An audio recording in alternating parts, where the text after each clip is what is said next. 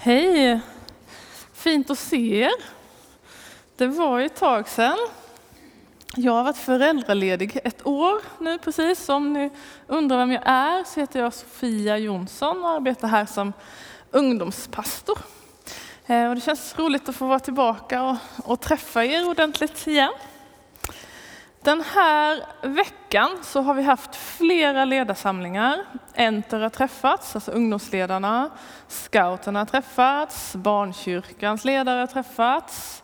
Jag har sett andra grupper här, Ekonomirådet har träffats till exempel. Så nu så är vi på gång. Det börjar röra sig och vi håller på med vår höstplanering. Och det finns många möjligheter att engagera sig för den som vill, så att du vet det. Eh, och jag tänkte tala lite om det här med just ledarskap idag.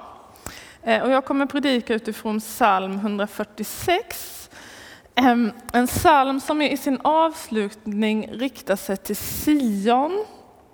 Eller som är tänkt som ett vittnesbörd för Sion. Och då kan man tänka, jaha, vad är Sion? Jo, Sion, ja, det finns olika saker det kan stå för, men ganska ofta så talar man om Jerusalem när man talar om Sion. Så jag tänker att den här salmen från början riktade sig till ledarna och invånarna i Jerusalem, alltså i huvudstaden. För det är ju i huvudstaden som de mäktiga ledarna finns, ungefär som att vi har våra mäktigaste ledare i Stockholm. Så. Men vi läser psalm 146.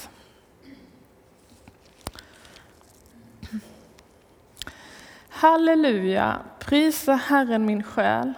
Jag vill prisa honom så länge jag lever, lovsjunga min Gud så länge jag är till. Lita aldrig på mäktiga män, människor som ingen hjälp kan ge. De ger upp andan och blir jord igen, då går deras planer om intet. Lycklig den som har sitt stöd i Jakobs Gud och sätter sitt hopp till Herren sin Gud. Han som har gjort himmel och jord och hav och allt vad som finns i dem, han sviker aldrig sina löften. Han ger de förtryckta deras rätt, han ger dem svältande bröd, Herren befriar de fångna. Herren öppnar blinda ögon, Herren rätar krökta ryggar, Herren älskar de trogna. Herren ger främlingar skydd, stöder fadlösa och änkor men korsar de ondas planer. Herren härskar för evigt din Gud och Sion från släkte till släkte. Halleluja. Alltså salmen säger, han ger de förtryckta rätt, de svältande bröd, befriar de fångna. Och det var ju något som man ofta förväntar sig att kungen skulle göra, eller de mäktiga ledarna. Så det är som att psalmisten liksom vrider på det här. Ni tänker att det är kungen som ska göra det, men jag säger att det är Herren som ska göra det. Och han försöker få oss att få rätt perspektiv. Så om man läser vers 3 till 4 igen så står det Lita aldrig på mäktiga män, människor som ingen hjälp kan ge. De ger upp andan och blir jord igen och då går deras planer om intet. Eh, vem är det som håller när allting annat vacklar? Jo, det är Gud. Det är han som är tänkt att ge fattiga bröd, att befria de fångna ehm, och så. Eh, och min tanke med den här predikan är egentligen inte att säga lita aldrig någonsin på en ledare. Det blir väldigt jobbigt att, att leva så. Om man aldrig vågar lita på någon, om man alltid är på sin kant, om man alltid är på sin vakt. Men jag tänker att vi kan behöva ha rimliga förväntningar på ledare. Ledare kan göra mycket gott. Men ledare liksom kommer ju också och går lite. Ledare kan falla, ledare kan också göra fel. Och framförallt så kommer alla ledare att dö, om man ska vara lite krass. Så. Ehm, och det här gäller ju alla typer av ledare. Alltså, det gäller politiska ledare, det gäller pastorer, det gäller lärare, det gäller forskare eller kändisar om man ser det som någon slags som vi kan följa. Eh, alla kan göra gott men kan också falla och en dag så kommer de att dö och bli till stoft. Men vi går till Ordspråks, Ordspråksboken kapitel 21. Ordspråksboken 21. Och där står det så här i vers 1. Herren leder kungens tankar som vattenflöden. Han styr dem vart han vill. Herren leder kungens tankar som vattenflöden. Han styr dem vart han vill. Jag tror ju inte att en kung eller ledare alltid gör rätt. Eh, men det är uppenbart att det finns många ledare genom historien som har gjort gott och gör mycket bra. Och det gäller ju både kristna ledare och de som inte är kristna. Det är liksom inte förbehållet en viss grupp, utan det gäller många ledare. Men jag tänker att man kanske kan tänka så här att när en ledare gör något bra så kan man tacka Gud som inspirerar till det goda. Eller så kan man tänka att man kan tacka Gud som är allt det godas ursprung. Vi tänker ju att Gud är det godas liksom källa. Eh, och att vi kan tacka Gud utifrån det, oavsett om ledaren själv känner Gud eller ej. Liksom. Oavsett om de själva skulle säga att det här har med Gud att göra. Eh, så ledare byts ut och försvinner. Men om vi hoppar tillbaka till psalm 146, vers 5-6, så står det så här. Lycklig den som har sitt stöd i Jakobs Gud och sätter sitt hopp till Herren sin Gud. Han som har gjort himmel och jord och hav och allt vad som finns i dem. Han sviker aldrig sina löften. Och vers 10. Herren härskar för evigt. Vem är det som står kvar i årtionden, århundraden, årtusenden? Jo, men det är Gud. Det är han som vi ska ha vår yttersta tillit till. Det är han som är allt gotts ursprung. Det är han som ger dem svältande bröd, som rätar på de nedtryckta, som öppnar våra ögon. Och jag vill liksom påminna oss om det, att Guds hjälp är praktisk. Ibland får vi för oss att Gud är lite flummig, lite någonstans borta, kanske kan ge en, liksom en fin känsla möjligen på sin höjd. Men Gud är ofta ganska praktisk. Jag hittade till exempel den här tidningen här ute, Direkt heter den. Det är Evangeliska Frikyrkan som ger ut den, det samfund som vi är en del av. Jag tror man kan anmäla sig och få den om man är medlem här i Storkyrkan, om man är sugen på den. Men då i alla fall så läste jag bland annat om Framtidskyrkan i Gottne. Min man Anton är uppvuxen i den här församlingen. Och de brukar årligen anordna en stor kakbuffé då de samlar in pengar till utsatta barn i Paraguay.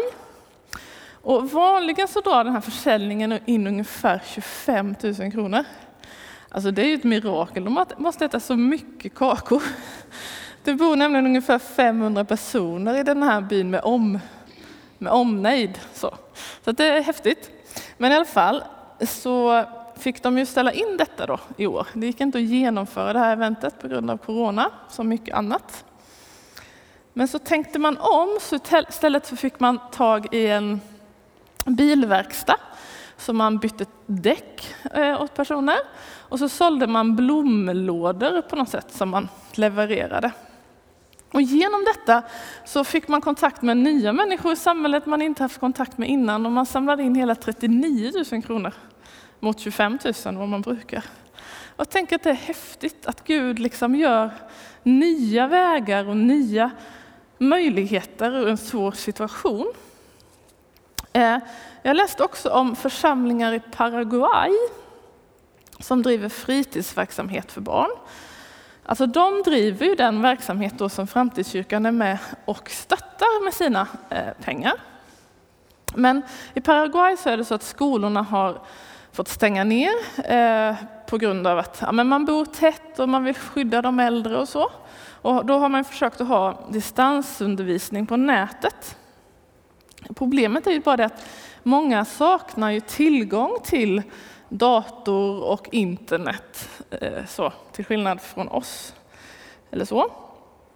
Men då tänkte de här fritidshemmen om, när liksom saker stängs ner och lades ner, att bara, men vi kan fixa datorer ute i byarna. Vi kan se till att barnen kan få komma hit och skriva ut sina läxor och vi kan ha någon lärare som kan stötta upp lite på plats. Och jag tänker att det är så att Gud är konkret, Gud fixar internet. Så. Och Gud gör nya vägar och jag vill verkligen uppmuntra er att inte tappa tron på församlingen i den här tiden när Gud använder sin församling och verkar genom församlingen.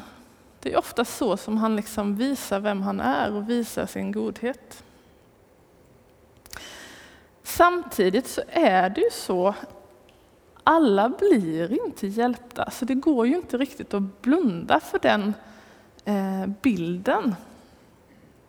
Och då tänker jag att vi ska gå tillbaka igen till vers 3 i psalm 46.